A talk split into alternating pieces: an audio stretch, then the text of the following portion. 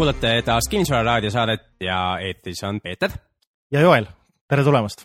Joel, mis meil tänased teemad on? ma arvan, et kuna see on teine saade ja meil on hästi palju head tagasisidet tulnud, siis võiksime alustada loogilisest teemast, et kuidas alustada kinnisvarasse investeerimisega. just, et äh, alustame siis nii-öelda algusest. ma arvan, et esimene küsimus, mille, mille kallal võiks nii-öelda natuke mõtiskleda, et üldse miks investeerida okei okay,, kinnisvara, jah, sellest räägime ka, aga miks investeerida, miks sina investeerid, Peeter? oh, see on väga niisugune eh, hea küsimus, aga ma mõtlen enda ajaloole tagasi, siis eh, kooli ajal mul juba tekkis mingisugust taskuraha ja, ja, ja ma aitasin oma vanemaid ja sain sellest mingisugust eh, tasu veel. ja, ja siis esialgu sai nagu see kõik ära kulutatud ja kuigi võib-olla ei ole niimoodi ilus avalikult öelda, aga aga olles aus, siis ma ei ole kunagi äh, hiljem ema elus nii palju raha alkoholile raisanud kui, kui kusagil põhikooli lõpuaastatel. ja, ja, ja samas mingi hetk nagu viskas üle, et kaua sa ikka nii-öelda jood. ja, ja siis hakkas raha üle jääma, üllatus, üllatus. ja, ja siis oli vaja sellega midagi tegema hakata. ja, ja siis alguses kogunes seda kontole ja siis sai mõelda, et mis järgmised variandid oleks ja siis ise, mis ma siis tegin, ma mäletan alguses ma panin mingisse fondi ja see tol ajal need fondid veel kasvasid ilusti, et siis äh, oli see nagu päris vahva, sai nagu iga kuu mingi, mingi summa kõrvale pandud ja muudkui kogunes sinna. fondid on huvitav, sest mina tegin täpselt sama ja, ja, ja ma mõtlesin, et ma olen finantsgeenius, panen raha kuhugile, vaatan iga nädal või iga kuu ja raha tuleb juurde ja, ja täiesti geenius. ja muudkui kasvab number, eks ju. jah, absoluutselt, nii kerge investeerida ja kõik on finantsgeeniused, kui turg seda toetab, eks ju, ja kui turg läks ülesse, siis äh, tegelikult ei olnudki väga suurt vahet, kuhu sa, kuhu sa oma raha panid, et, et äh, see numbrid kasvasid. aga see ei olnud tegelikult ju reaalne raha ennem, kui sa selle osaku lõpuks said ära müüdud. täpselt nii. ja mik, miks äh, kinnisvara siit tuleb võib-olla välja see ja mida ma nüüd noh, hiljem õppisin ja, ja miks mulle kinnisvara meeldib, on see, et et siin selleks, et raha saada, ei ole vaja seda vara ennast ära müüa. ja see on nagu see, mis minule kõige-kõige-kõige rohkem selle asja juures meeldib.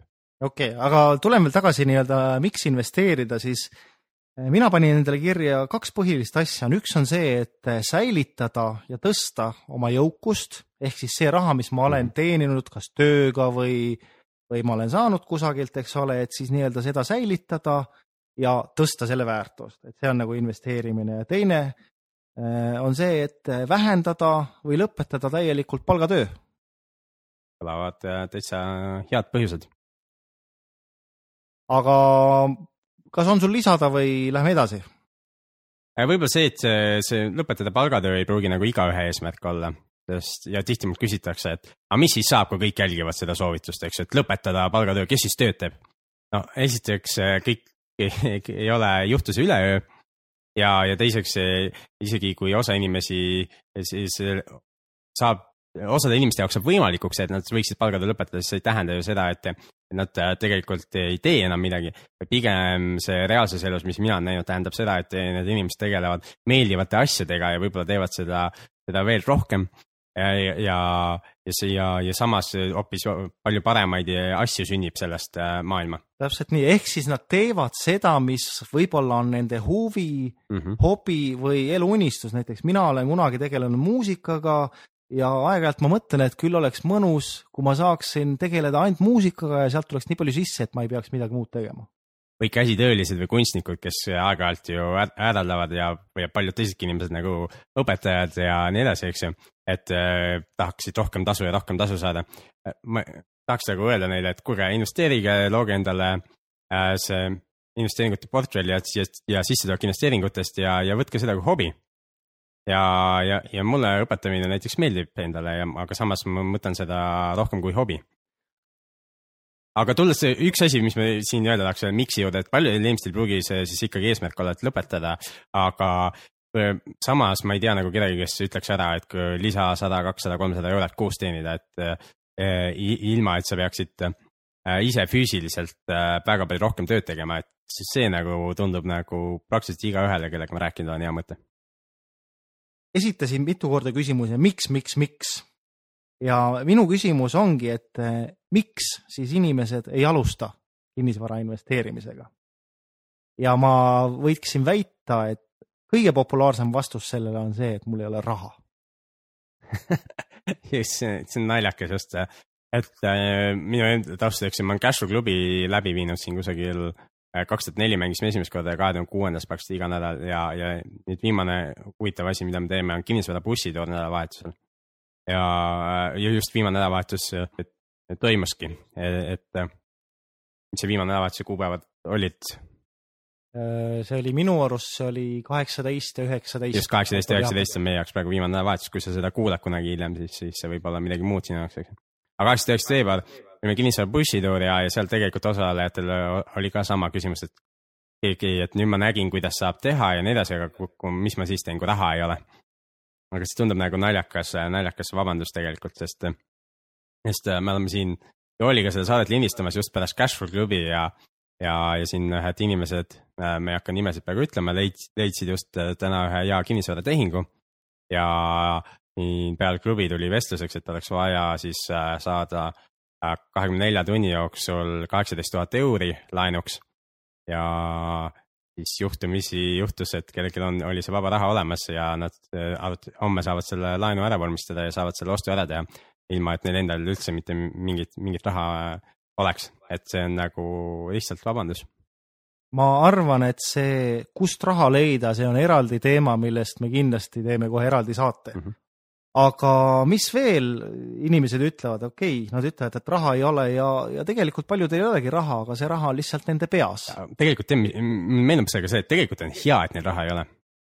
miks see on hea, sellepärast et äh, olgem ausad, enamus inimesed, kes, kes, kes hädaldavad, et neil raha ei ole mingi tehingu tegemiseks, siis äh, noh, ropendama ei taha hakata, aga eks see üks kehv tehing on, mida nad esitlevad ja sellepärast ei tahagi keegi sinna raha panna et nii nagu tehingud lähevad heaks, nagu see, millest, mis siin täna näiteks, äh, mida, millest räägiti, see on, see on nii hea tehing nagu, see on nagu no-brainer, nagu see ei ole nagu mingit kahtlust nagu.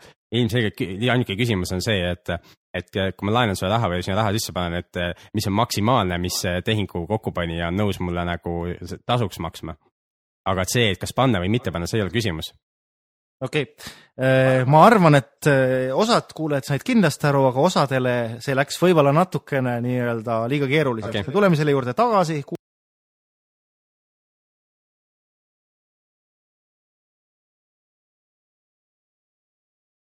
Reason'id inimestel, miks nad ei, ei no, saa alustada. põhiasi võib-olla on veel see, et ei ole varem teinud, eks ju, ja ei tea, kuidas käib asi. ehk siis ei oska ma arvan ka, minul oli endal ka, mina alustasin kinnisvarasse investeerimist eh, circa paar aastat tagasi, ma olen nüüd kõvasti juba üle kolmekümne. Ehk mul läks päris tublid aastad, eh, mis ma tegin tööd. Ja ma ei investeerinud kinnisvarasse sellepärast, et ma ei osanud. Ja kindlasti ka ma ei teadnud seda võimalust. ja, ja selle mitteoskamisega kaasneb hirm. Ja hi näiteks sama, et notari juurde minek, eks ju, või mingid niisugused asjad, inimesed on võib-olla ükskord elus seal käinud, võib-olla polegi varem käinud, eks ju siis teen, siis see tundub kuidagi hirmus või tundub niisugune väga ametlik koht. jah, need paberid, mis on vaja kirjutada alla, seal on palju teksti väga,, väga-väga keeruline, üldse ei saa aru, mis tähendab. vahest notar küsib, et oled sa kindel, et sa tead, mida sa teed, eks ju. kui sa piisavalt ja. palju kordi seda küsid, et no siis hakkad juba ise kahtlema, eks ju, et kas ma ikka olen kindel. millised kogemused sinul notaritega on? väga sõbralikud naisterahvad üks, üks sõbralikum kui teine ja minul ei ole nendega probleeme tekkinud, kuigi ma tean, et on, on siin tekkinud osadel inimestel ka probleeme, et kus notar on takistanud mõistlike tehingute tegemist või, või, või hakanud hirmutama müüjaid näiteks, et, et, et nad ei saa raha kätte või et ma ei tea, mingid muud asjad, kui on soovitud näiteks kokku leppida järelmaksuga maksmine kinnisvara puhul, mis on ka jumala okei okay variant. aga et siis notarid võivad nagu hirmutada üle inimesi aga mul endal ei ole halba kogemusi. minul on ka head kogemused ja ma võiksin soovitada, et eh, kui kellelgi kogemused puuduvad, siis eh, küsi soovitusi. kindlasti keegi tuttavatest oskab soovitada. just, notar on nagu ettevõtja nagu iga teine, tal on lihtsalt eh, antud erivolitused ja sellega kaasneb tal ka väga isiklik vastutus, mida nad kindlustusega siis maandavad. et nad on lihtsalt ettevõtjad, nad on huvitatud sinust kui kliendist ja samamoodi nagu sa, ma ei tea, käid mobi oma mobiililepingut sõlmimas, siis ei, ei karda ju seda inimest, kes seal vastas on, eks ju. täpselt nii ja notar, notar on tegelikult ju noh, nagu sa ütlesid, on inimene. mina olen kasutanud nüüd viimasel ajal kogu aeg ühte notarit, sest Mhm. ma usaldan teda, ta annab mulle hea nõu ja iga nõu eest. notariga tegelikult ongi see asi, et kui sa tahad mingit lepingut teha, siis tihti on notariseadusega ette nähtud, et, et see lepingu koostamine on üks osa sellest tehingust ja notarite tehingutasud on, on fikseeritud seadusega, seega ükskõik mis notari juures lähed, sa maksad sama palju. ja lihtsalt vaata, milline inimese rohkem meeldib, millise inimese kontoris sulle meeldib käia. mulle näiteks endal tekkis mm, üks lemmikkoht on seal äh, Rotermanni kvartalis Coca-Cola Plaza taga ja sellepärast, et seal on maa-alune parkla ma saan sõita sinna Tooja parklasse, auto ära parkida ja sealt otse parklast liftiga sõita, ma ei mäleta, mitmes korrus see oli, aga otse liftiga sõita sinna kontorisse ja väga mugav, ei pea kusagil õues käima, eriti praeguste sombuste ilmadega. aga mis Väga veel põhjused veel on, miks ei alustate? ma arvan, et üks on ka see, et eh, mõeldakse, et see on riskantne. keegi kaotas, kellelgi läks halvasti, keegi sai vastu pükse oh,. see tuleb niuke ja ma saan, ma saan aru ka, kust see tuleb, et see tuleb tihti sellest väärtpaberite ja börsi, börsimaailmast nagu. Et äh, kui väärtpaberite puhul on see, et selleks, et keegi saaks võita, siis keegi peab kaotama. siis tegelikult kinnisvara valdkonnas see ei absoluutselt, noh, ei, ei pea olema niimoodi. ma, ma tean inimesi või olen näinud inimesi ja nädalavahetusel, kui me käisime bussituuril, siis me nägime ka inimesi, kelle eesmärk oli nagu meile müts pähe tõmmata, eks ju. müüa meile üle turuhinna niisugust asja, mis on nagu veel ülihalva renoveering, ülihalva remondiga ka veel, et kus peaks tegelikult, kui nüüd realistlikult vaadata, siis, siis kogu see remont, mis tehtud oli, selle noh, sellel on väärtusetu, see on pigem tuleb uuesti ära lammutada, otsast peale teha. aga enamus in- inimesi ja enamus tehinguid kinnisvaras on, kõik pooled võidavad. absoluutselt kõik pooled võidavad, et nädalavahetusel näiteks me bussituuri raames kohtasime äh, vanaprouad, kes so- soovib Tallinnast oma sugulastele lähemale kolida ja tal on, ja ta, tal on vaja müüa. ja ta on nõus mõistliku hinnaga müüma, ja kui sina ostad, siis eh, sina lahendad tema probleemi ja tema lahendab sinu probleemi. sinu probleemiks oli see, et otsisid kinnisvara mõistliku hinnaga. ja üks asi, mis mulle siin mm, äh, meeldib mm, Cashflow klubi mõne liikme puhul, kes, kes on kauem tegutsenud ja pikemate kogemustega, mis, mis nad aitavad teha, see ka veel, et näiteks kui ma ei tea, proua ütles, et ta soovib kolida oma sugulastele lähemale, siis tunne, tunda huvi, et kuhu ta soovib kolida ja võib-olla aidata tal siis see kolimine ära teha, võib-olla aidata, aidata tal veel see uus eluase osta ja, ja aidata seal veel talle mõistlikud tingimused välja rääkida, et lahendada kogu probleem lõpuni ära. täpselt nii, et sa ei aja seda hinda ainult kogu aeg allapoole, Mhm. vaid eh, võib-olla selle asemel, et sa küsid seda hinda, siis sa pakud hoopis mingisugust teenust. just. aitad, mis mulle tege- tegelikult meeldib ja mis ma näen, kus on nagu point on see, et aidata sellel teisel poolel siis ikkagi see probleem lõpuni ära lahendada. et äh, niimoodi võidavad kõik kõige rohkem. Mhm.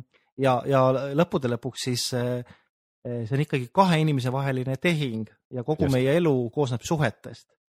ja me oleme tõenäoliselt oleme palju, saame palju paremini elus hakkama, kui meil jäävad nii-öelda selja taha head suhted.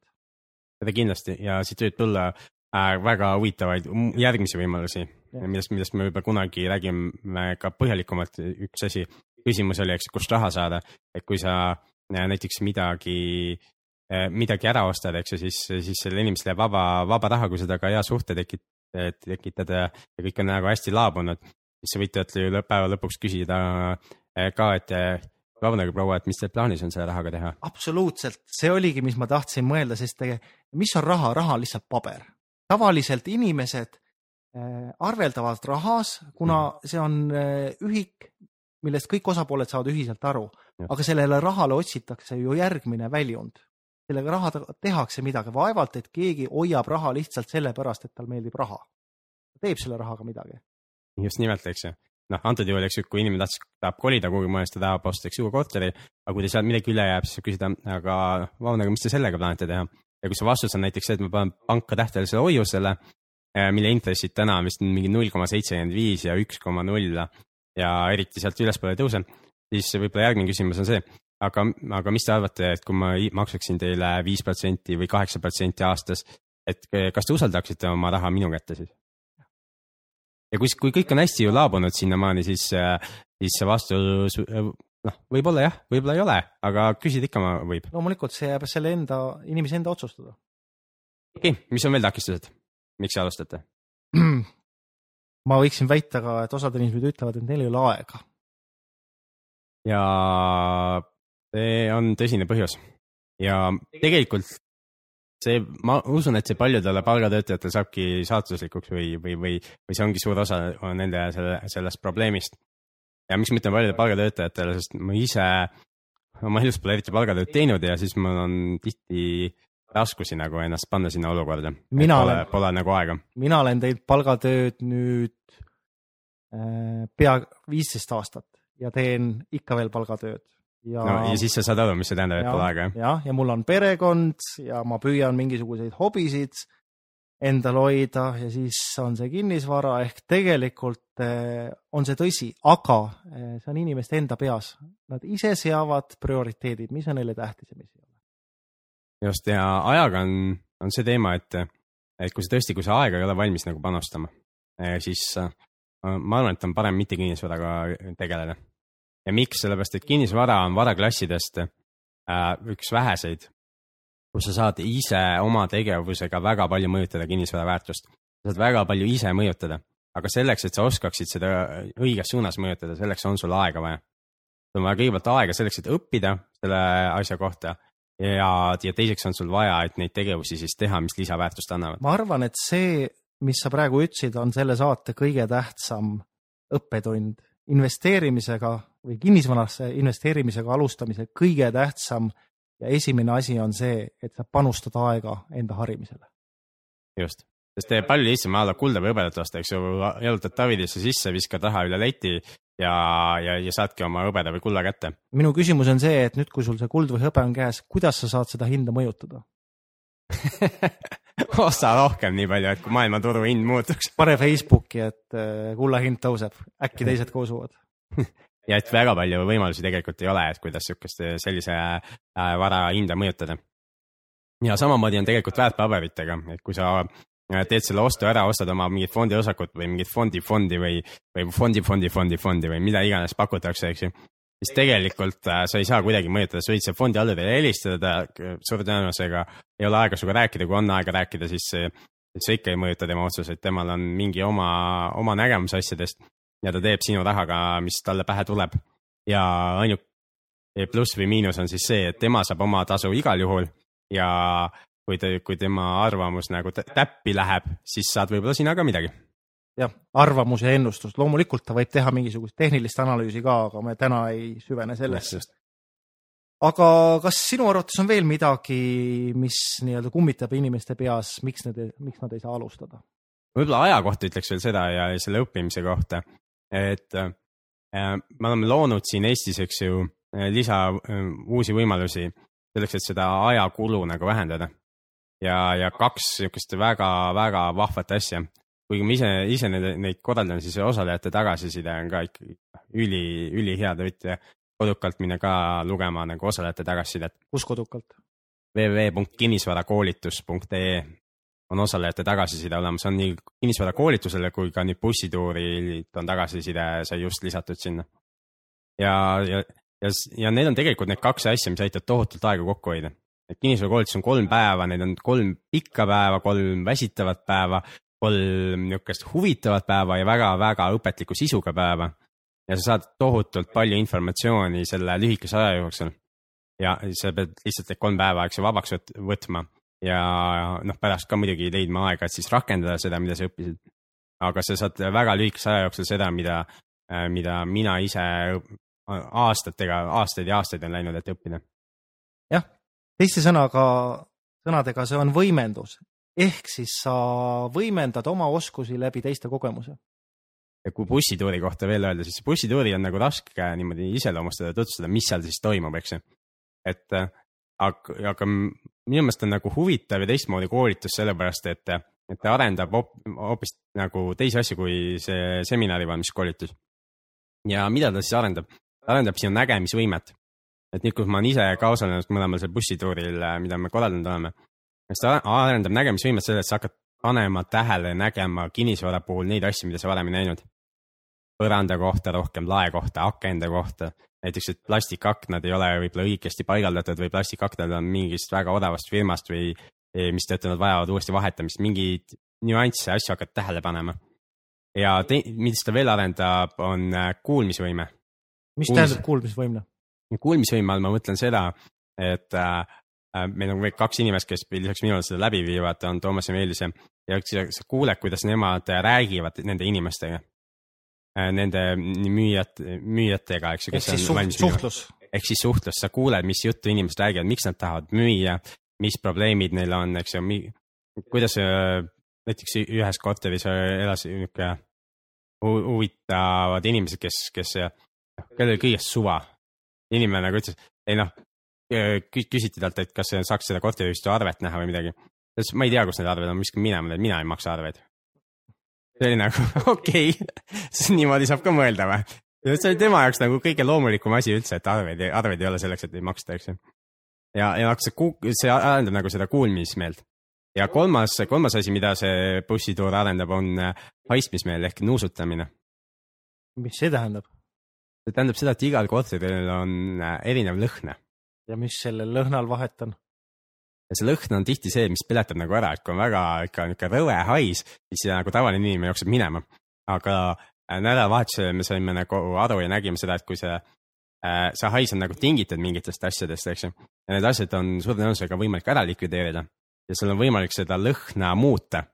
ja, ja mida rõvedam hais, seda, seda parem tegelikult meie jaoks, sellepärast et, et see vähendab teiste huviliste arvu. langetab hinda. ja võib langetada hinda just nimelt, eks ju. E, ja, ja sa tunned nagu neid erinevaid lõhnu. ja mulle, miks mulle see bussituur just meeldis just nüüd, kui me seda teist korda läbi viisime, me külastasime veel suurema arvu kortereid kui esimesel korral. aga et me see paari päeva jooksul külastasime, ma isegi ei tea, mitu korterit oli, aga aga ikka üle paarikümne erineva korteri. et see on päris raske nagu ennast kokku võtta ja seda tegema panna. pluss meil olid siis veel, äh, eks ju, läbiviijad, kes äh, rääkisid taustaloo iga selle objekti kohta, iga korteri kohta, mis tähele panid, äh, arutasime läbi, eks ju, kõik niisugused asjad, et, et see nagu tohutult kiirendab seda õppimist. kui nüüd on niimoodi, et kellelgi tekkis huvi selle bussituuri vastu, kuidas see inimene saaks järgmisel bussituuril osaleda? see on hea küsimus, me ei ole veel järgmise bussituuri kuupäeva paika pannud, aga ma arvan, mõistlik oleks alustada sellest kinnisvarakoolitusest. et kinnisvarakoolitusele on veel üks kümmekond vaba kohta ja, ja siis, siis, siis ta on nagu täis müüdud ja siis me nagu tõesti ei saa neid kohti kuidagi juurde tekitada. et sa saad sealt kõigepealt selle suure tausta ja sealt kinnisvarakoolitusest me kindlasti räägime, millal, millal ja kuidas järgmine bussituur ka toimub.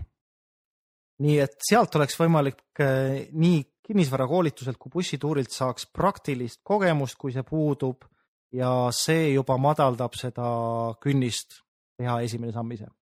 ja isegi need, kes, meil oli üks osaleja bussituuril näiteks, kellel on, on Tartus äh, viis korterit, kõik oma raha eest välja ostetud. et äh, siis ta sai nagu aru ja kõik on uued korterid senimaani ostnud, eks ju.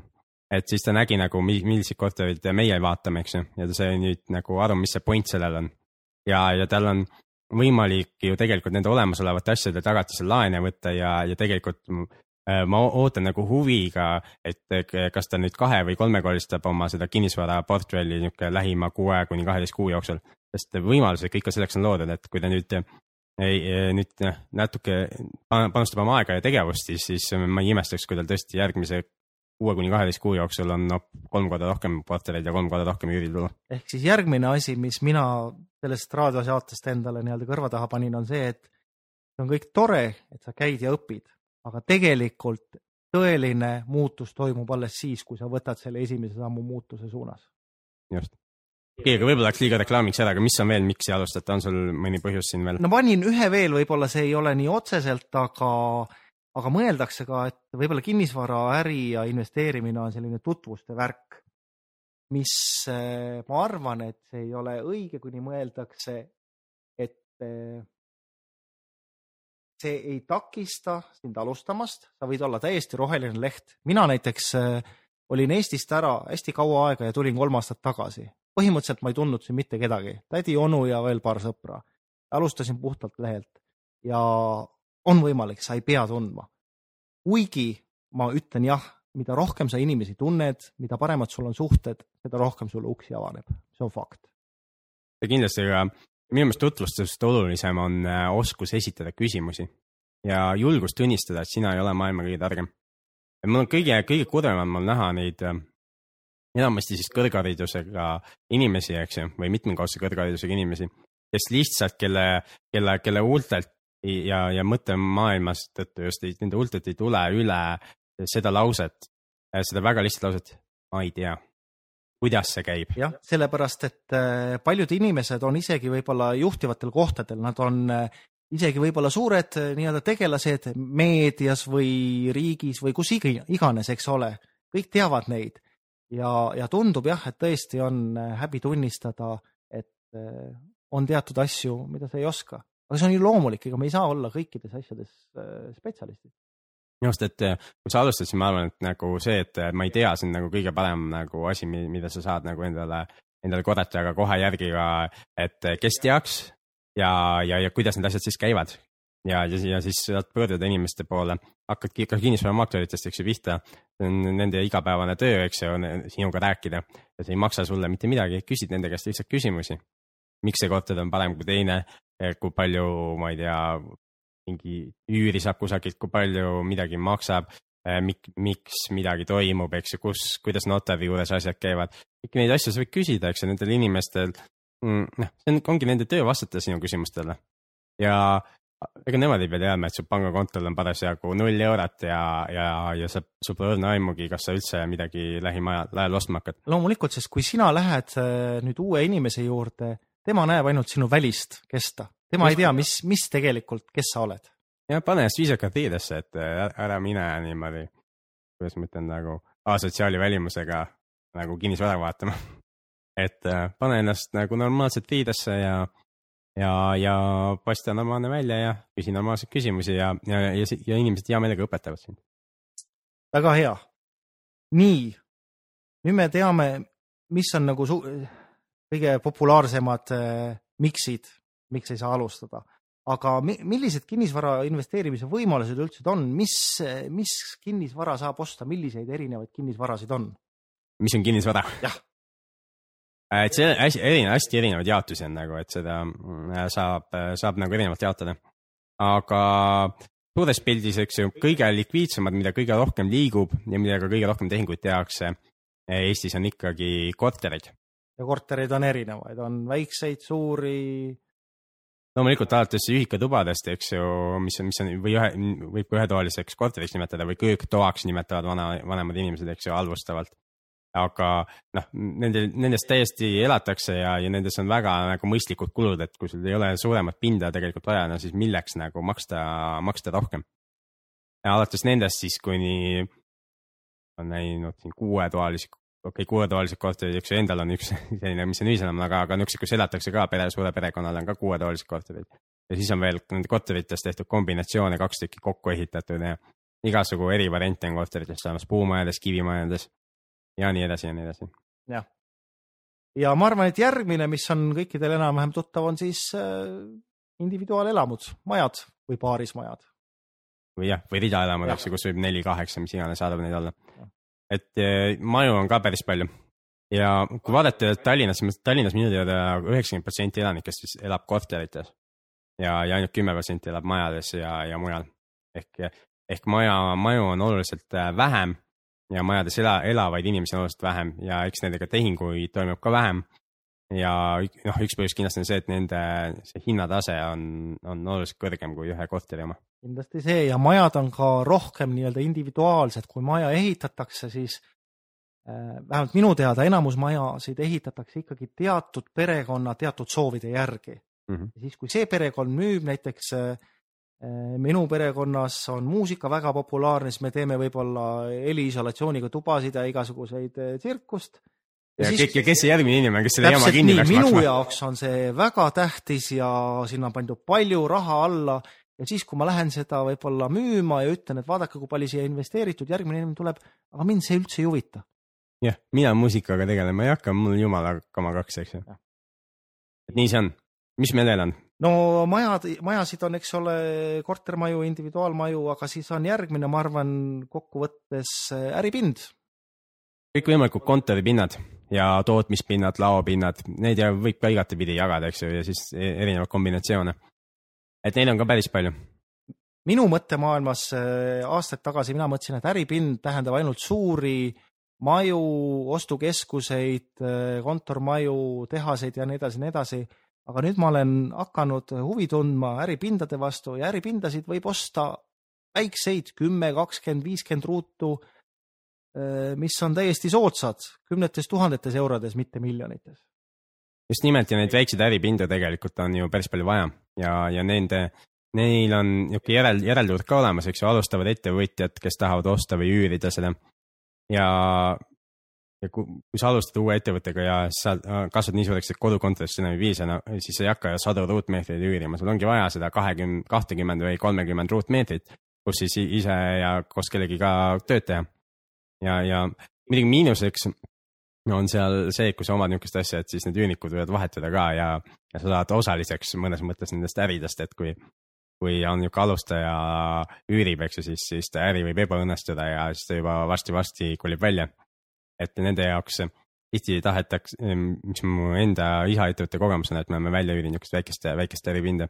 tahetakse mingit e-, eri, ma ei tea, et oleks seda värvi seinad ja nii edasi, aga noh, mingit pointi ei ole nagu neid seini värvima hakata, sellepärast et, et kolme või viie kuu pärast selgub, et nende see äriplaan ikka ei toiminud ja siis nad kolivad välja ja siis noh, see asi ei tasu ära ennast nii kiiresti. ja täpselt sama point on ka suuremate pindadega, et eh, tuleb firma sisse, neil on võib-olla eh, tiimide suurused on erinevad, on vaja vaheseinu ehitada või kes teab, mis masinaid või ruume teha, et äripindadega on jah, et kui üürnik vahetub tihti, siis nii-öelda see vahetuskulud või et see ettevalmistus järgmise üürniku jaoks, need võivad olla päris kallid.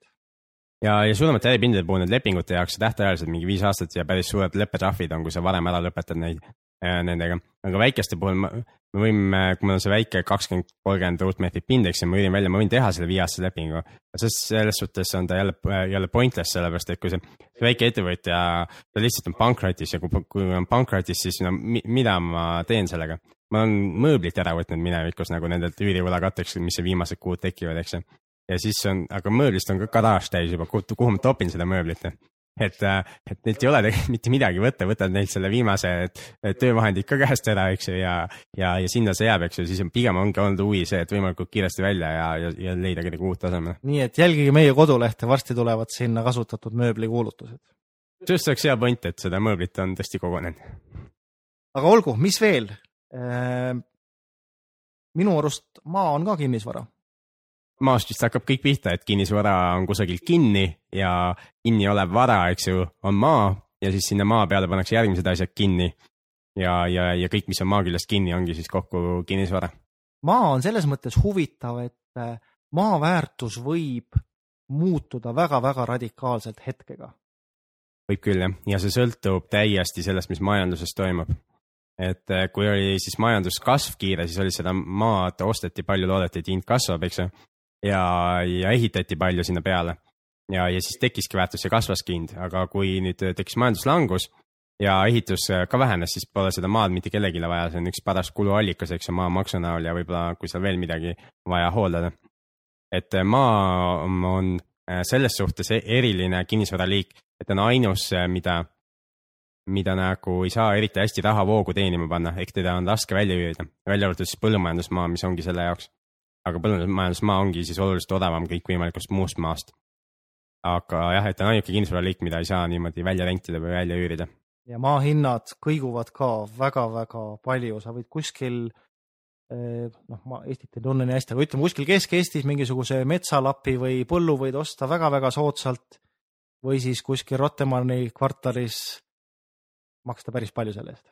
just, ja maa hinda mõjutab veel see finantseerimine, et nagu nii palju, kui mina tean, siis täna nagu pangad laenutagatisena maad ei soovi saada, niisugust tühja maad, kus mitte midagi ei ole nagu. aitäh, aga see ei anna nagu mitte midagi juurde neile. ma elasin Jaapanis mõned aastad tagasi ja Jaapanis on selline linnaosa nagu äh,, Tokyos on selline linnaosa nagu Ginza. ja kuulujutud räägivad, et Ginzas üks ruutmeeter maksab kakssada viiskümmend tuhat eurot. okei okay päris hea hind. jah, aga lähme edasi ähm,. Mis veel? garaaž, garaaž on täpselt samamoodi kinnisvara. just ja garaaž võib isegi olla see korteri omandiks tehtud ja, ja, ja saab nagu korterikki kaubelda ja garaažidel on täiesti turg olemas. nii ostu-müügi oma kui ka üüri oma ja, ja Cashflow klubides ma tean, on, on ka mõningaid inimesi, kes nagu on keskendunud sellele garaaži, nii-öelda garaažiärile, garaaži ostmisele, üürimisele. miinus pidi olema see, et pangad jällegi ei taha garaaži tagatisel laenu anda. Aga pluss on siis see, et, et suhteliselt väikese äh, summa eest saab selle ära osta ja üüri, üüritootlusena pidi päris okei okay olema. garaažis võivad maksta, ma ei tea, mingi kaks-kolm tuhat eurot, eks ju. ja, ja, ja noh, selle raha ikka kuidagi kokku kogud ja, ja siis saad välja üürida ja, ja see tootlus võib päris hea olla. aga olgu, kas veel midagi? hetkel nagu ei meeldi, on sul endal midagi meeles? eelmine kord rääkisime ka nafta puurtornidest ja kaevandutest, kas, kaevandustest, kas need on kinnisvara või need on ärid? Need on äh, sisuliselt mõlemat. jah, Eestis on ka tegelikult ju kaevandused on täiesti eraldi kinnisvaraliik. et meil on siis kõige suuremad on eks ju põlevkivikaevandused, aga on ka kruusakaevandused ja nii edasi, et see on ka kinnisvara. ja, ja noh, nendest muidugi kasum ja tulu tekib siis sellest, selle kaevandamise tulemusena. aga nafta puurtornid, eks ju, äh, Eestis ei tea ühtegi aga eks Ühendriikides äh, täiesti aktsepte- asi ja mujal ka, kus, kus, kus naftat leidub, on, on see kinnisvara eriliik. Ühendriikides minu teada on, on mingid maksusoodustused, kui sa seda nafta, nafta välja ostad ja arendad. on jah, aga ei, ei tea detaile. kullakaevandusega kindlasti samamoodi, et, et sa noh, maa, selle maa väärtus sõltub väga palju sellest, et mis seal siis äh, leitakse ja kui palju seda, seda väärt, väärismetalli või vääriskivimit siis on selle kogumassi kohta nii, lähme saatega edasi. järgmine alateema, mis mina tahtsin äh, käsitleda, on siis, et äh, kui meil nüüd on valitud välja see kinnisvaraobjekt, on see siis kortermaa, äripind või garaaž või mis iganes, kuidas siis seda nii-öelda osta saab? Ja kuidas osta, siis ma mõtlen selle all, et äh, kõige loogilisem on see, et sa võtad oma kogutud säästud lähed notari juurde, annad oma raha ja saad vastu kinnisvara, eks ole. see on kõige igavam variant. kõige igavam, miks igavam? kõik ja samas kõige levinum variant. kas ei ole huvitav, sa võtad selle spordikoti, paned sinna sada tuhat eurot, lähed bussi, minu arust üldse ei ole igav, väga huvitav on ju. kogu aeg vaatad ümber, kes sind jälgib. see, kui sa soovid adrenaliini laksu saada, siis palun väga, eks ju uh,. ma ei tea, kas spordikotti on vaja enam niisuguse summa jaoks, et viiesaja euro eest ei võta väga palju ruumi. ja, ja, ja, ja palju sa ütlesid, sada tuhat jah? palju neid siis vaja on? sada, kakssada tükki jah? kakssada rahatähte ei võta nagu väga palju ruumi. et spordikotiga pole midagi teha. krooni ajal oli küll jah, spordikotti vaja selle jaoks. Aga kõige lihtsam variant jah, kuidas siis ostetakse ja kõige igavam variant on see, et sul on raha olemas ja, ja sa vahetad selle kinnisvara vastu kohe järgmine igavuselt on see, et sa võtad pangalaenu, eluasemelaenu näiteks ja maksad oma sissemakse ära ja siis ülejäänud tuleb sealt pangast eluasemelaenuna. sissemaksed tüüpiliselt äh, tänapäeval on circa kolmkümmend protsenti, eks ole? kolmkümmend, võib ka olla ka kakskümmend, kui sa oled alla kolmekümne aasta kõrgharidusega noor, sa kvalifitseerud ka niisuguse asjale nagu KredExi noore spetsialisti käendus ja siis sa saad kümneprotsendise sissemaksu teha. või kui sa oled noor perekond, siis seal oli ka mingi Äh, ma ei tea, kui vana siis vanemad võisid olla, vist veel, veel natuke vanemad, eks ju. ja siis äh, äh saad ka KredExi käendust kasutada ja siis äh, viia sissemaksu kümne protsendi peale. ehk siis saad rohkem, rohkem laenu kasutada, pangalaenu. just, aga need on nagu niisugused igavad variandid, need on niisuguse laisa inimese variandid. et on kindlasti, on olemas palju huvitavaid variante, sul on Joel ka kindlasti midagi teada. no mina olen isiklikult teinud ühe tehingu niimoodi, et ma ei ole oma raha üldse kasutanud ma olen päris mitmeid tehinguid niimoodi teinud. aga räägi enda mõnest tehingust. räägi sa enne enda omast. okei okay., no minul oli nii niimoodi, et äh, mul oli paar objekti juba nii-öelda ostetud. Üks pangalaenuga ja üks oli ilma pangalaenuta ja siis nendele objektidele ma sain veel lisalaenu mm. -hmm. ja ma saingi nii palju laenu, et ma sain järgmise objekti osta täielikult laenurahaga.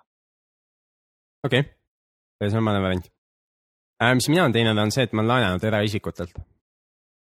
Ja... eraisikutelt laenanud?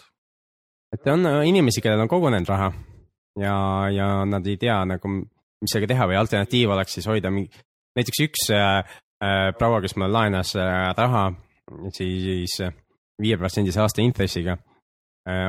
oli põhjus selles, et ta oli oma raha hoidnud fondides ja ta ütles, et okei okay,, ma nüüd võtaks sealt fondist selle, selle raha välja, kuni enne kui sealt päris otsa see saab ehk et, äh, et, et nagu probleem oli selles, ta ei olnud nii palju pahane, aga ta oleks olnud rõõmsam, kui ma oleks nagu küsinud äh, aasta või poolteist varem raha laenuks. et siis oleks nagu rohkem olnud, mida laenata. aga ta võttis siis selle sealt fondist välja ja, ja, ja laenas selle mulle ja ma maksan talle iga kuu siis seda intressi. ja iga kuu laekub ta siis lisasumma kontole.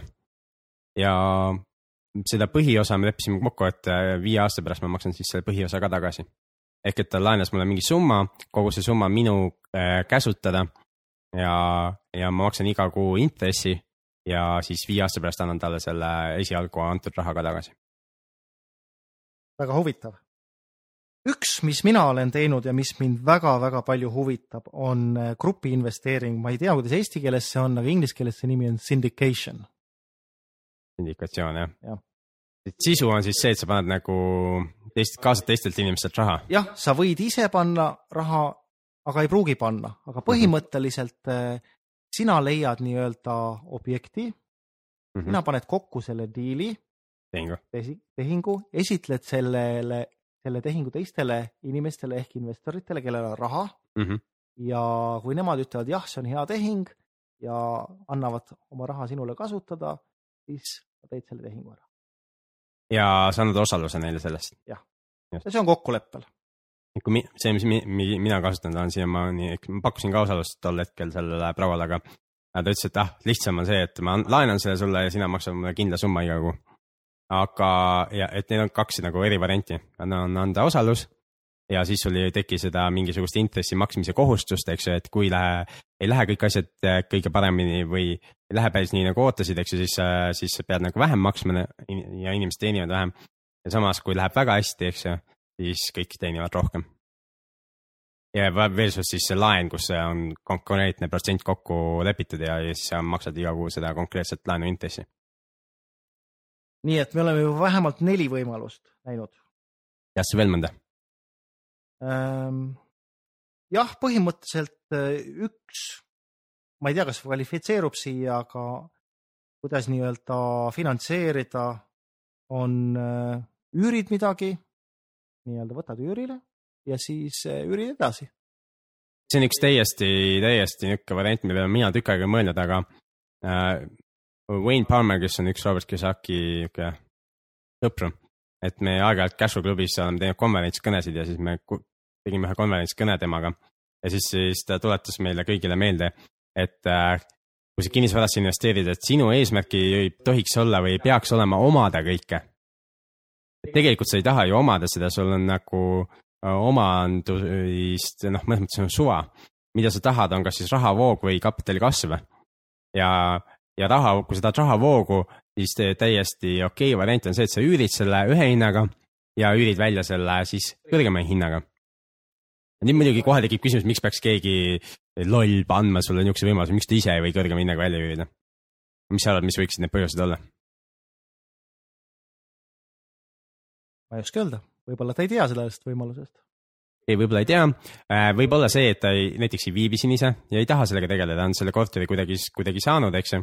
Ja tahaks, et oleks üks kindel inimene, kes asjaga tegeleb ja, ja siis sa lepid temaga nagu mingi hinna kokku, eks ju. teine variant, mis võib olla, on see, et sa üürid äh, näiteks, ma ei tea, halvas korras oleva korteri ja teed siis, ma ei tea, viieaastase lepingu või, või mis iganes äh, periood sulle nagu tundub tasuv olevat ja, ja siis ise, ma ei tea, tapeedid üle, teed mingisuguse kergema äh, renoveerimise seal sees. ja, ja siis tänu sellele saabki juba rohkem üüri küsida ja, ja siis üürid, üürid selle edasi ja, ja see inimene ka võidab, sest äh, lepingu lõppedes saab siis paremas korras äh, korteri äh, tagasi. väga loominguline. ja neid põhjuseid võib mitmeid olla ja suuremate korteritega. ma mäletan, kui ma EBS-is õppisin veel, siis seal oli, on vähe vahetustudengite programm ja, ja siis ma olin üks tuutoritest ja, ja ma olin ainult ühe, ühe aasta seal see, selleks tuutoriks, aga mõned, kes olid mitmeid aastaid teinud, siis nad olid nagu ära jaganud selle matsu või, või teinud sellise asja, et nad äh, üürisid siis äh, viietoalist korterit ja, ja siis üürisid toakaupa edasi siis nendele välistudengitele. ja, ja siis sealt tekkis nagu see lisaväärtus, eks ju, et sa üürid nagu hulgi ja siis üürid jae edasi ehk siis väiksemaid juppe ja, ja, ja väiksemal jupi puhul muidugi küsid siis kõrgemat hinda lõppkokkuvõttes, kui, kui seda kõike korraga üürides on. loogiline. nii, aga oletame nüüd, et äh, meie kuulajal on nüüd ostetud see kinnisvara, kas oma rahaga või pangarahaga või mingi muu variandiga. nüüd Te tegelikult on oluline, kuidas see ostetud on, sest sellest sõltub, mis selle kinnisvaraga teha. Sest äh, kui sa saad nagu niisuguse madala protsendiga laene, näiteks nagu mina sain viie protsendiga, eks ju, viieks aastaks, mul on aega. mul on maa ja ilm aega, ma võin teha äh, sellega midagi kiiret ja osta veel midagi selle viie aasta jooksul, aga ma võin ka ainult ühte asja hoida. ja ka samal ajal, kui on laene, laen võetud äh, mingi kõrgema intressiga, näiteks kolmkümmend protsenti, mis on ka ju täiesti okei okay,, ma teen, kolmkümmend protsenti aastas. kolmkümmend protsenti aastas jah, et me siin sa-, tean ka inimesi siinsamas Cashflow klubiski käib inimesi, kes laenavad kolmekümne protsendiga aastas või kahekümne kahe protsendiga aastas. või mis iganes number sinna vahepeale jääb, võib-olla vahest isegi kõrgema intressiga, et siis neil, mida neil ei ole, on, neil ei ole väga palju aega. ehk nad, ehk nad saavad, peavad midagi kiiresti tegema sellega, nad peavad kiiresti selle kuidagi uuesti rahaks tegema või leidma siis selle odavama pikemaajalise laenu. Äh, mulle tundub, et seda tasub teha alles siis, kui on mingi kogemus, et esimese tehinguna sellist asja võib-olla ei tasu hakata proovima. millist asja? seda, et sa võtad äh, kallist laenu ja et sul on kiire. igaüks ise teab, kui, millist adrenaliini soovite endale, et see kindlasti, kindlasti annab niisuguse mõnusa äh, stressiallika juurde. ja Robert Kiyosaki on nimetanud seda niisuguse uneprintsiibiks, mis võib sellega kaasneda. Tead sa, mis see uneprintsiip on? kui ma õieti mäletan, siis äh, kas ei olnud midagi niimoodi, et äh, küsimus on see, et äh, kuidas sa tead, et millal sul on piisavalt laenu? millal sul on liiga palju liiga palju laenu, jah. ja vastus on see, et liiga palju on laenu siis, kui sa ei saa enam magada. just, et kui sa öösel rahulikult magada, järelikult on liiga palju laenu või liiga kõrge intressiga laenu. kuidas sinu magamisega on, Peeter? praegu on suht rahulik, et kaks tuhat üksteist suvel äh, ütleme, ma sain aru, mida see tähendab. sest äh, sellele, seal oli mingil hetkel äh,, no tekkis üks niisugune moment, kus oli nagu äh, vaja kas kiiresti midagi teha või siis laenu, juurde saada. Õnneks äh, õnne, õnnestus olukord siis lahendada niimoodi, et sai laenu juurde. aga lähmegi teemaga selle juurde, et eh, nüüd, kui on, objekt on olemas, kinnisvara on olemas, siis kuidas selle pealt raha teenida? ja mina tean ainult, vabandust, mina tean vähemalt kolme varianti. Okei. esimene on võib-olla väga levinud, on see, et ostan ja üürin välja. äh,. jah, ja, ja see eeldab siis seda, eks et sul on see odava, odav finantseering või sul on oma raha, eks ju, mille pealt sa ei taha väga suurt äh, tootlust saada. kuigi kui ma ise mõtlen, et miks ma peaksin nagu oma raha kuhugi kinni panema, kui ma teenin selle pealt ainult mingi viis või kümme protsenti aastas. et äh, äh, as- hinnad igal pool mujal tõusevad nagu palju kiiremini, et mul oleks mõistlikum siis kohe nagu pidu püsti panna ja, ja, ja, ja see, ma ei tea, alkoholi ära vahetada. et saaks võib-olla suurema naudingu sellest äh, täna, kui, kui siis, kui siis äh, mingi pikema aja pärast. kui arvestada ainult seda üüritulu. aga sinna, selle jaoks on ka hästi palju igasuguseid võimalusi, kuidas saab seda üüritulu tootlust kasvatada. Ärme täna sellesse teemasse süvene, aga ja. Oled sa päri sellega, et neid on? jah, neid võimalusi on, eks ju, läbi, läbi lisalaenamise ja, ja, ja võib-olla ma, mul on okei okay see madal tootlus, kui ma tean, et samal ajal toimub midagi muud, mida nimetatakse siis kapitali kasvuks ehk selle, selle kinnisvara väärtus äkki kasvab selle aja jooksul, mida, millal ma teda välja üürin, ehk siis hind tõuseb. just. noh, tänane päev võib-olla selle peale ei tasu loota. Aga see oli esimene variant. mis muid variante on? ja kusjuures, kui sa ütled, et ei tasu loota, siis äh, hästi huvitav asi, mida me ka just siin päeval mingite inimestega arutasime, see, näiteks Tallinna Lasnamäe hinnad võrreldes eelmise aastaga on nagu äh,, Lasnamäe hinnad on nagu palju kiiremini kasvanud kui, kui teised linnaosad. miks? ei tea, miks, aga ni- niisugune noh, me lihtsalt äh, konstateerime fakti või näeme nagu, mis toimub, et siis Lasnamäe hinnad on nagu, nagu kõik äh, ülespoole toimunud, et, et kui sa ütled, et täna nagu ei maksa loota selle hinnakasvule, siis, siis päris nii see ka ei ole, et hinnad muutuvad. ma, ma olen täiesti nõus sinuga, hinnad käivad üles-alla. minu printsiip on see, et mina vaatan, enamuse jaolt vaatan äh, cash flow'd ja kapitali kasv on minu jaoks boonus. minu Äh., minu jaoks kapitali kasv on äh, spekuleerimine, loomulikult, kui meil on tõusev trend Mhm. ja tehniline analüüs näitab ka seda, siis on suhteliselt vähe riskantne selle peale mängida. aga tänane päev, kui me vaatame poliitikat ja hin-, hinna nii-öelda, kuidas hinnad kuju, kujunevad, siis mina ei oska öelda, mis on meil hindadega kolme kuu pärast. loogika ütleb jah, kuna raha prinditakse juurde, et inflatsioon tuleb mängu, aga millal see juhtub, mina ei oska öelda. ja me ei tea, kui, kui hästi või halvasti meie suuri panku siin juhitakse, eks ju. et kui nemad on teinud mingeid halbu otsuseid, eks ju, siis ja otsustavad tänu sellele näiteks eluasemelaenude väljastamist piirata taaskord, eks ju. või, või midagi muud äh, teha, et ja, ja vähem välja laenata tä- tänu sellele, siis see kohe kajastub kinnisvara hindades. absoluutselt. aga teine variant, mis sa näed, mis, mis on võimalik äh, teha oma kinnisvaraga, et teenida raha selle pealt? et ük, üks variant, mida, mida ma veel näen, on see, et, et sa ostad ja sa lahendad mingi probleemi ära sellel kinnisvaral ja, ja siis, kui probleem on lahendatud, siis saad äh, müüa selle kõrgema hinnaga ja teenid sealt vahelt. ja teenid sealt vahelt.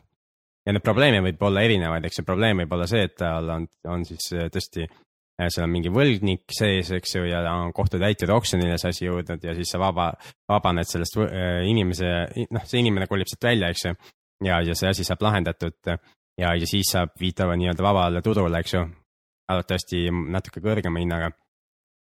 Kuigi viimasel ajal ei paista see ka enam kehtivat, tundub, et vabalt turult saab nagu odavamalt asju kui kohtutäitjad oksjonilt, aga mina olen ka pannud tähele, et nagu kohtutäiturite anomaalia. hinnad kõiguvad väga-väga palju.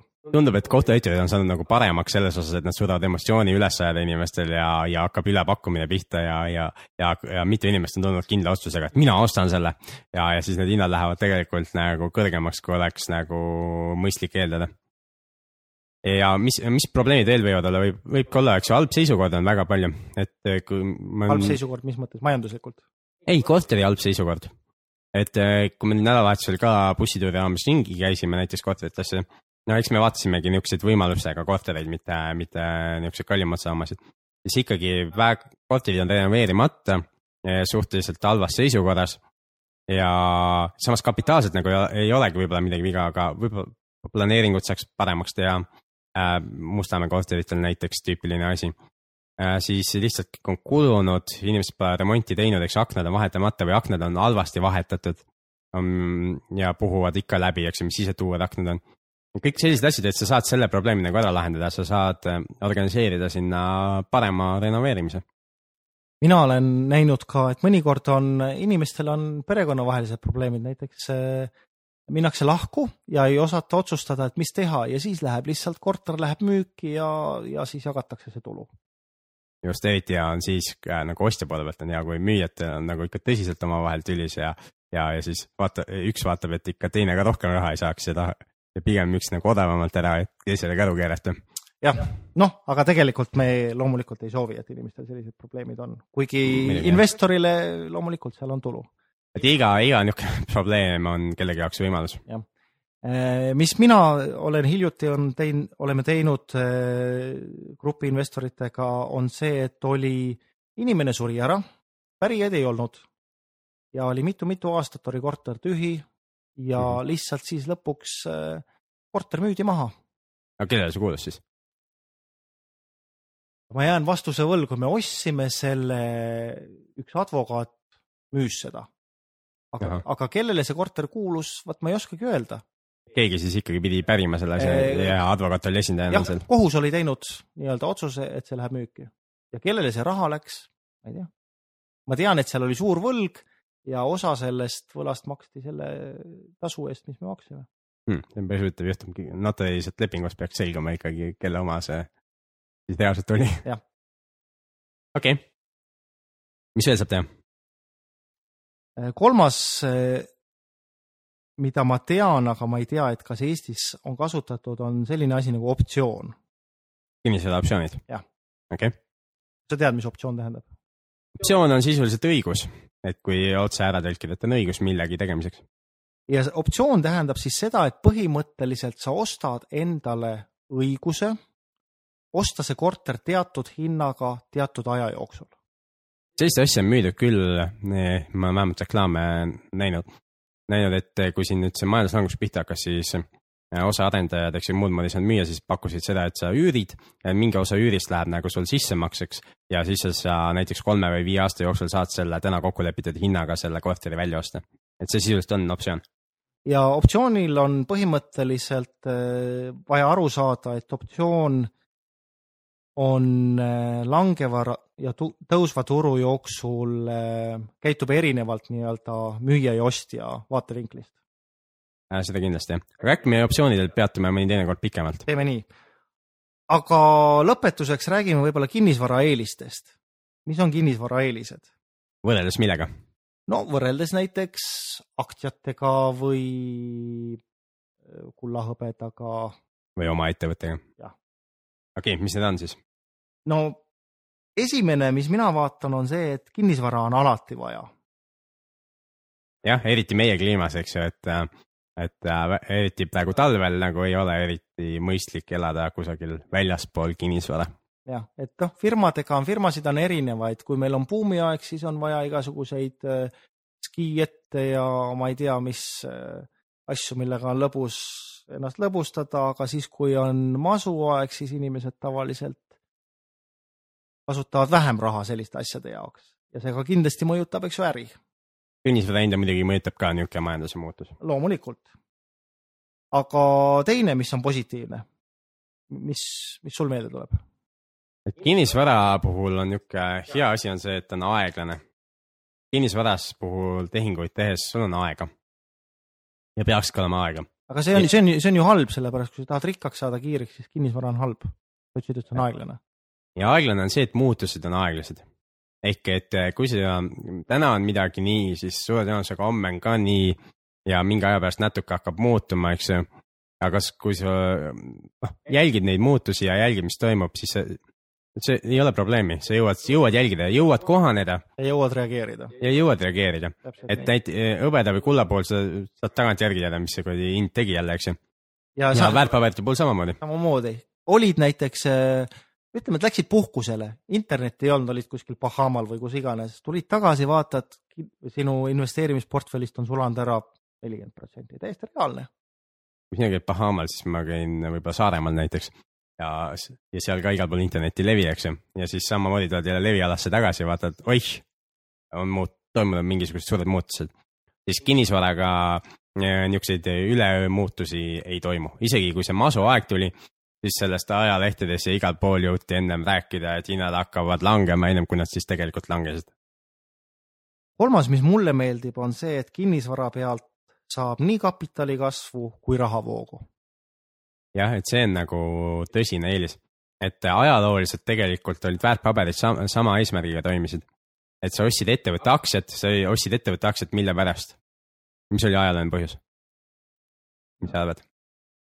No mina tean, et on kahte klassi investoreid, on nii-öelda value investorid. väärtusinvestorid. väärtusinvestorid ja siis on dividendiinvestorid. no ajalooliselt ikkagi sa ostsid ettevõttes osaluse selleks, et saada dividende. ja see väärtusinvestorid, eh, eh, noh, ei tahaks nagu halvasti nimetada, aga see on nagu noh, inglise keeles on hea sõna bullshit noh, et äh, et äh, see väärtuse investeerimine on nagu tulnud hiljem ja, ja, ja ta on tulnud sellest, et on tekkinud niisugused võimalused nagu äh, kaubelda, järjest tihedamini kaubelda, teha murdosa sekundite jooksul palju tehinguid, programmeerida tarkvara ja nii edasi. aga aktsia tegelikult oma olemuselt on ikkagi selleks, et saada dividende ja sa ostad selle äh, enam, noh, pikaajaliselt, eks ju, ja tahad saada dividendist ja tahad saada dividendidest selle raha tagasi ja et see tootlus läheks lõpmatuseks ja edasi teenida, eks ju aga täna, kui vaadata, mis börsidel toimub, siis tegelikult neid nii-öelda dividendi aktsiateks, mida täna nimetatakse, neid on ikka väga vähe. ja, ja, ja see ei ole ka tagatud, et nad seda dividendi nüüd iga aasta maksaksid. ja, ja selles suhtes see varaklass on nagu muutunud niisuguseks, noh, ta ei, ta ei paku enam seda rahavoogu. samamoodi on, eks ju, räägitakse siis võlakirjadest. ja, ja, ja riigi võlakirjad pidid nagu kõige-kõige turvalisemad olema. Ja nüüd saame ajalehest lugeda, et, et Kreeka kirjutab seitsekümmend viis protsenti, eks oma võlakirjade väärtusest maha ja investorid saavad oma kakskümmend viis protsenti. kui sedagi. kui sedagi, eks ju, teenustasud ka veel maha, noh, et võlakirjad kui sellised ei ole ka enam nii turvalised. pluss võlakirjade hinnad on nagu läinud nii üles, ehk see tootlus, palju sa aastas teenid, on, on ikkagi äärmiselt, äärmiselt madal.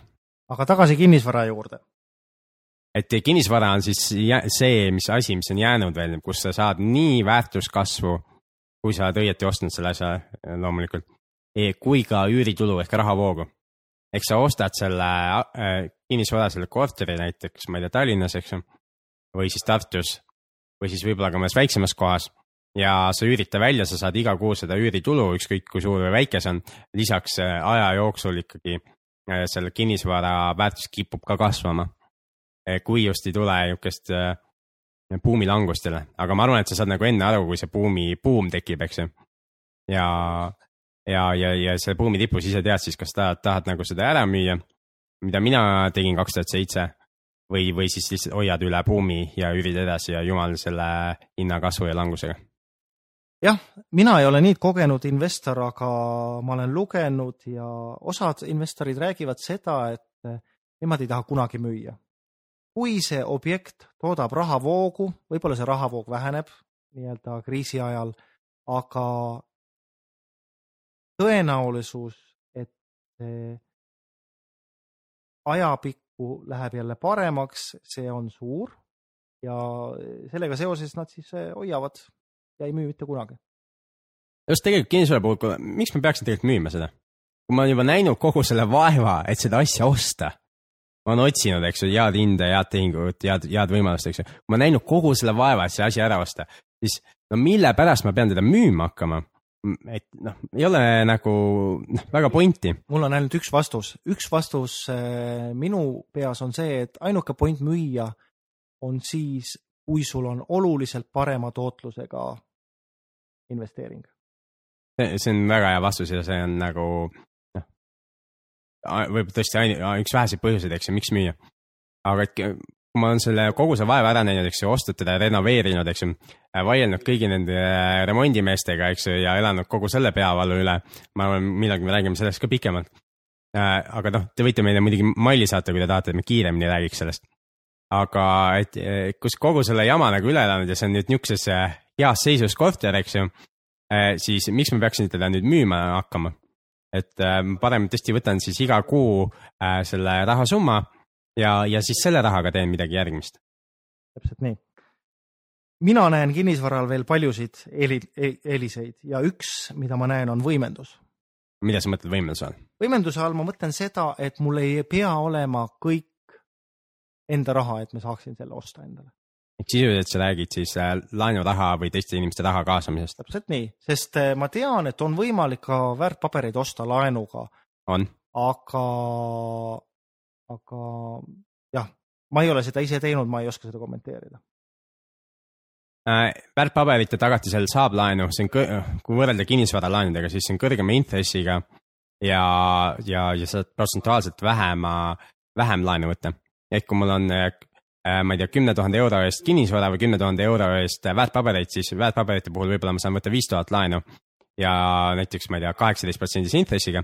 kinnisvara puhul äh, noh, kasutades lihtsalt panku, eks ju, seitse tuhat äh, nagu vabalt, võib-olla kaheksa-üheksa, võib-olla isegi seesama kümme, eks ju. saan võtta laenu ja intressid on ka ikkagi alla kümne ja, ja, ja eluasemelaenu puhul on vist mingi kolm-neli praegu, eks ju. Et, et hoopis nagu teised, teised tingimused on kinnisvara kasuks oluliselt.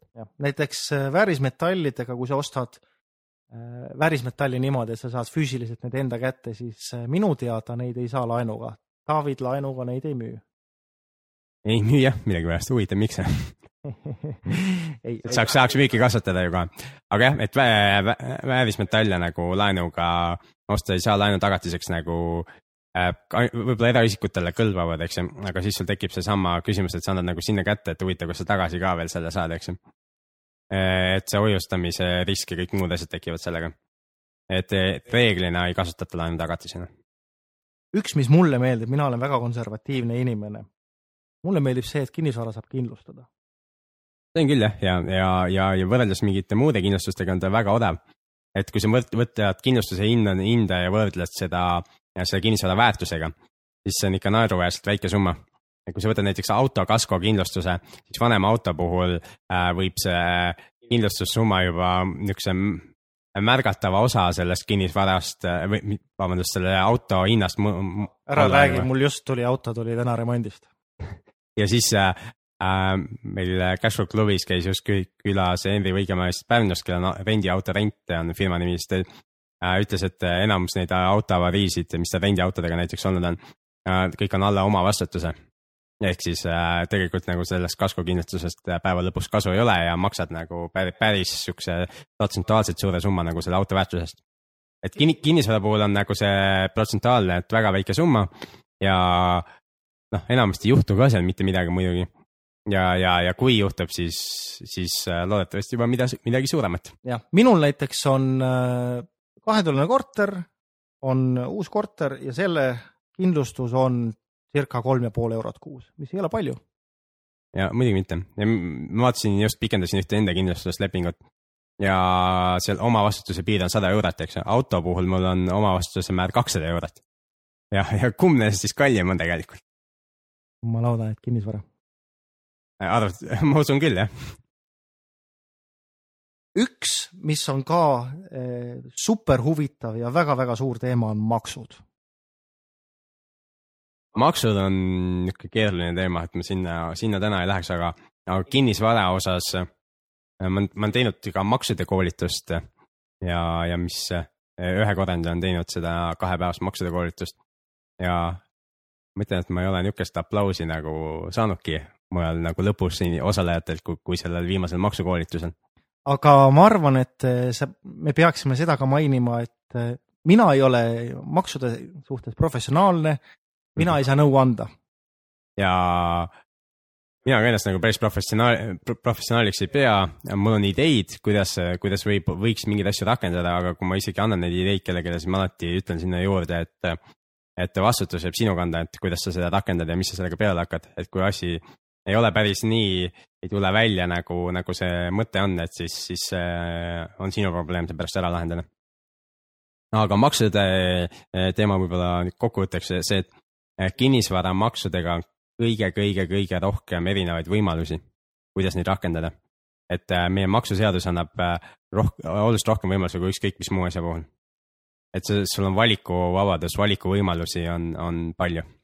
Ilmselt sina tead seda maksuseadust paremini kui mina. Ameerikas räägitakse, et maks, maksuseaduse raamat on hästi-hästi paks. seal on mõned lehed on eh, kirjas, et kuidas makse maksta ja ülejäänud sellest on, kuidas mitte maksta.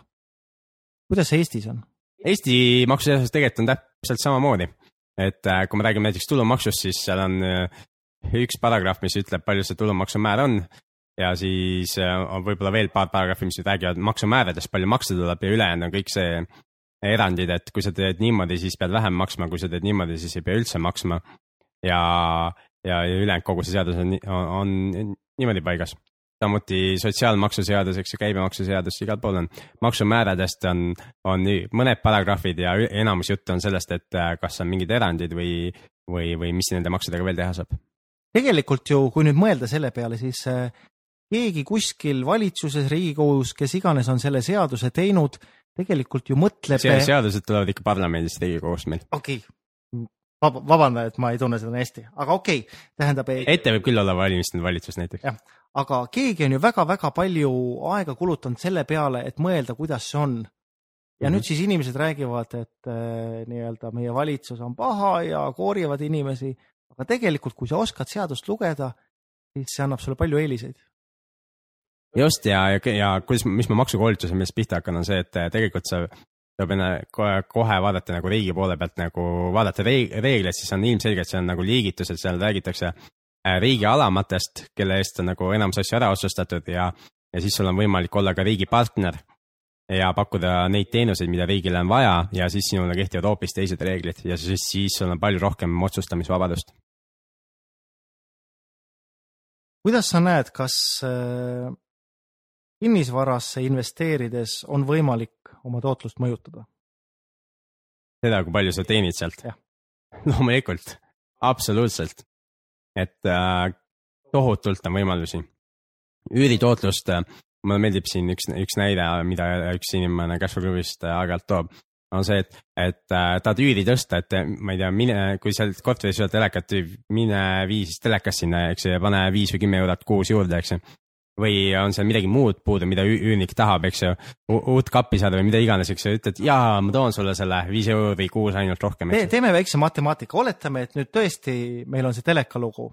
nii, kui sa viid sinna teleka ja saad viis eurot juurde, mis kasutatud telekas maksab? Ähm, ma ei ole ise ostnud üht, ühtegi telekat, aga äh, siin alles hiljuti äh, Cashflow klubis ühed ostsid niisuguse tohutu suure teleka, ma ei tea, mit, mitu tolli see täpselt oli, mingi võib-olla nelikümmend või rohkem tolli ja, ja maksid selle eest vist alla saja euro. noh, ütleme, kui sada euri ja saad viis euri juurde, siis see tähendab, et eh, kakskümmend kuud teenib selle teleka raha tagasi just, ja peale seda kõik on kasum Jah.. ja noh, telekas loodetavasti ikka peab ka vastu. kakskümmend kuud, mis see siis teeb protsentides, circa? ma ei oskagi niimoodi arvutada, no kakskümmend kuud on vähem kui kaks aastat, seda küll jah. eks ole, siis järelikult see peab tegema rohkem kui viiskümmend protsenti. ei, vabandust, see on see, millega sa oma raha tagasi saad, eks ju, ja tootlus tuleb pärast seda. Ja see sõltub ikka sellest, kui palju äh,, kui kaua see telekas nagu vastu peab selle korteris Mhm. aga samas, kui üürnik ära lõhub jälle selle või mingisugust lollust teeb sellega, eks ju, siis, siis peab tema selle kahju katma. jah, ja kui sul on kindlustus, siis kindlustus aitab. kindlustus aitab nagu varguste ja tulekahjude ja niisuguste asjade vastu, et kui lõhkumise vastu kindlustus tavaliselt ei aita. Okei okay., aga võib-olla üks lugu, kuidas üüri ma ise mõjutada olen saanud, on see, kui ma oma ühte kadulist korterit välja üürisin, siis äh, ma soovisin saada mingit hinda selle eest ja hind alg-, esialgne oli nagu äh, sada üheksakümmend seitse vist, mis ma soovisin saada. ja siis mulle pakuti sada seitsekümmend ja siis me leppisime kokku, et ma toon külmkapi juurde ja, ja siis on üür sada kaheksakümmend ehk kümme eurot rohkem kuus. ja, ja siis me leppisime kokku ma läksin mm, ja ostsin selle külmkapi, kasutatud külmkapi ja see külmkapp, kuna üks ettevõte, mis müüb kasutatud äh, asju, oli, see oli eelmise aasta veebruaris, tegelikult aasta aega tagasi just. et siis tal oli parasjagu niisuguse halva müügikuu allahindlus, mis oli siis miinus nelikümmend protsenti. ja Triinu kodumasinad on see ettevõte, kus mina olen ostnud neid asju mina ka. ja, ja, ja siis see külmkapp tegelikult maksis mulle ainult äh, kuuskümmend eurot, ta oli siis saja euro pealt alla hinnatud või nelikümmend protsenti, ma oleks sajaga ka ostnud hea meelega, aga noh, kui oli allahindlus, oli allahindlus, eks ju, sain kuuekümne euroga külmkapi ja see tõstis nagu üüri kümme eurot kuus. et nüüd arvuta seda aastast tootlust, minu arvutuste järgi see on üle saja. ehk siis ma sain kuue kuuga see raha, raha nagu tagasi ja edasi on kasum. pluss muidugi äh, hea asi selle asja juures oli see, et, et kui mu üürnikud hakkasid, olid sisse kolinud ja hakkasid endale toitu valmistama, siis see külmkapp jäi neile väikseks. mistõttu nad palusid mul selle külmkapi kahe nädala pärast ära viia, aga mis üürist sai? üüri jäi samaks. nii et see külm, külmkapp on järgmises korteris. väga huvitav. aga põhimõtteliselt nii-öelda ma usun, et kõik said aru, et üüri ja nii-öelda üüritulu on võimalik mõjutada väga-väga mitmetel meetoditel ja see on nii-öelda omaloomingulisest. oma aita nagu inimestel ära lahendada see probleem, mis neil on ja kui üürnik tahab tõesti mingit niisugust asja nagu külmkapp, no jumala eest mine too see külmkapp või, või mikrolaineahi või mis iganes muu asi seal olla võiks. üks, üks asi, mille on, on huvi tuntud siiamaani ei ole soovitud, on, on äh, nõudepesumasin. noh, et kui jälle kümme eurot kuus juurde tooks, siis miks mitte, ma hea meelega läheks ja tooks selle äh, nõudepesumasina ära. Nii et me rääkisime siis eh, hinna mõjutamisest. minu teada aktsiate hinda ei ole võimalik mõjutada või kui sa mõjutad, siis sa võid kinni minna selle eest. jah, et seda nimetatakse börsiga manipuleerimiseks ja siseinfo kasutamine on keelatud väärtpaberite puhul. samal ajal kui kinnisvara puhul on, sa pead ikka väga rumal olema, kui sa siseinfot ei kasuta. et siseinfo kasutamine kinnisvara puhul on täiesti loomulik asi. sellepärast, et äh, mida see tähendab siseinfo, siseinfo tähendabki seda, et sa saad aru, mida sa ostad. Ehk sa oled korteriga eelnevalt tutvunud ja sa saad aru, mis hinnaga sa selle välja üürid, ehk sa oled äh, eelnevalt uurinud, mis hinnaga teised välja üürivad ja, ja siis sa omavahel räägid läbi selle, need tingimused, lepingu tingimused teise poolega siis. Et äh, ilma siseinfota ei tehta mitte ühtegi kinnisvaratehingut. samal ajal kui väärtpaberitehingute puhul äh, siseinfo kasutamine ehk kui sa tead, kui palju ettevõtte kasumit äh, teenib ja ta ei ole avalikult seda veel öelnud, eks sa tead enne seda, siis väärtpaberite puhul on see jah, seadusega karistatav. aga selge, ma arvan, et on aeg lõpetada, loodan väga, et see saade andis ideid. ja julgust alustada. Ja võib-olla kordame veel üle, et alustada võiks siis äh, hariduse omandamisest. Ja vähemalt mina ise olen alustanud niimoodi ja vist Joel ka. jah, minu, minul läks tegelikult äh, kinnisvara teemal ei läinud väga kaua aega, mul läks selline circa pool aastat sellest, kui ma tõesti hakkasin ennast harima äh,, kuni ma tegin esi, esimese tehingu, aga ma olen äh, igasugust teistel teemadel äh,, väärtpaberid ja sellised, olen aastaid lugenud mm. -hmm. aga ma näen tänane päev ma näen, et kinnisvara on kõige huvitavam, kuna on kõige rohkem võimalusi. selle mõjutamiseks, jah? selle mõjutamiseks ja üldse nii-öelda ma näen, et aktsiatega näiteks sul on kaks võimalust, sa ostad mm -hmm. ja sa müüd. ehk siis ainuke asi, mida sa mõjutad, seda on ajastus. jah, ja siis ma seal vahepeal ootan, jälgin võib-olla seda internetis, seda graafikut. närveerid. ja mõni päev on. valvetad. ja nuutan saadab postkaarte ettevõtte juhtkonnale soovid edu täpselt nii, ehk, ehk siis seal ei ole väga palju võimalust mõjutada seda, et kuidas mu investeeringul läheb. ainuke valdkond, kus me ette, või investeerimise varakeeles, kus ma tean, kus saab veel rohkem mõjutada, on ettevõtlus ehk siis oma ettevõtte tegemine. Et seal sa nagu saad veel, veel rohkem mõjutada asju kui kinnisvara puhul siis kinnisvara piirab siis nagu selle asukoha ja selle asjaga, ma ei saa kahetoalisest korterist nagu äh, teha kaheksatoalist näiteks. et see, see arvatavasti ei läheks läbi. aga ettevõtluse puhul ma võin täiesti ühest paberilehest, ma ei tea, mida teha, eks ju. et äh, seal on veel, veel, veel, veel avaramad piirid. Ja, aga ka veel, veel palju rohkem teadmisi, oskusi, kogemusi ja kõike seda on vaja kui kinnisvara puhul.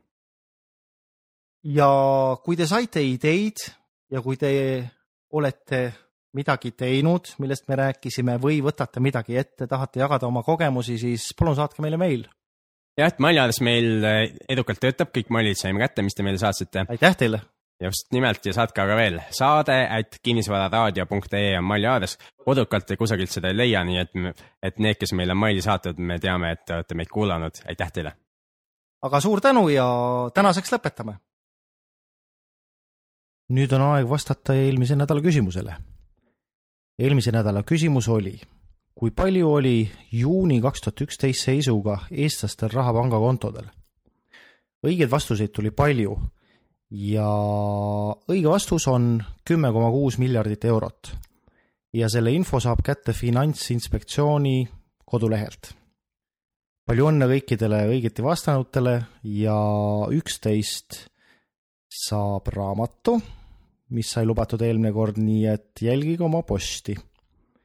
ja selle nädala küsimus on, kui palju on riigi kinnisvaral kinnistu pindala ruutmeetrites?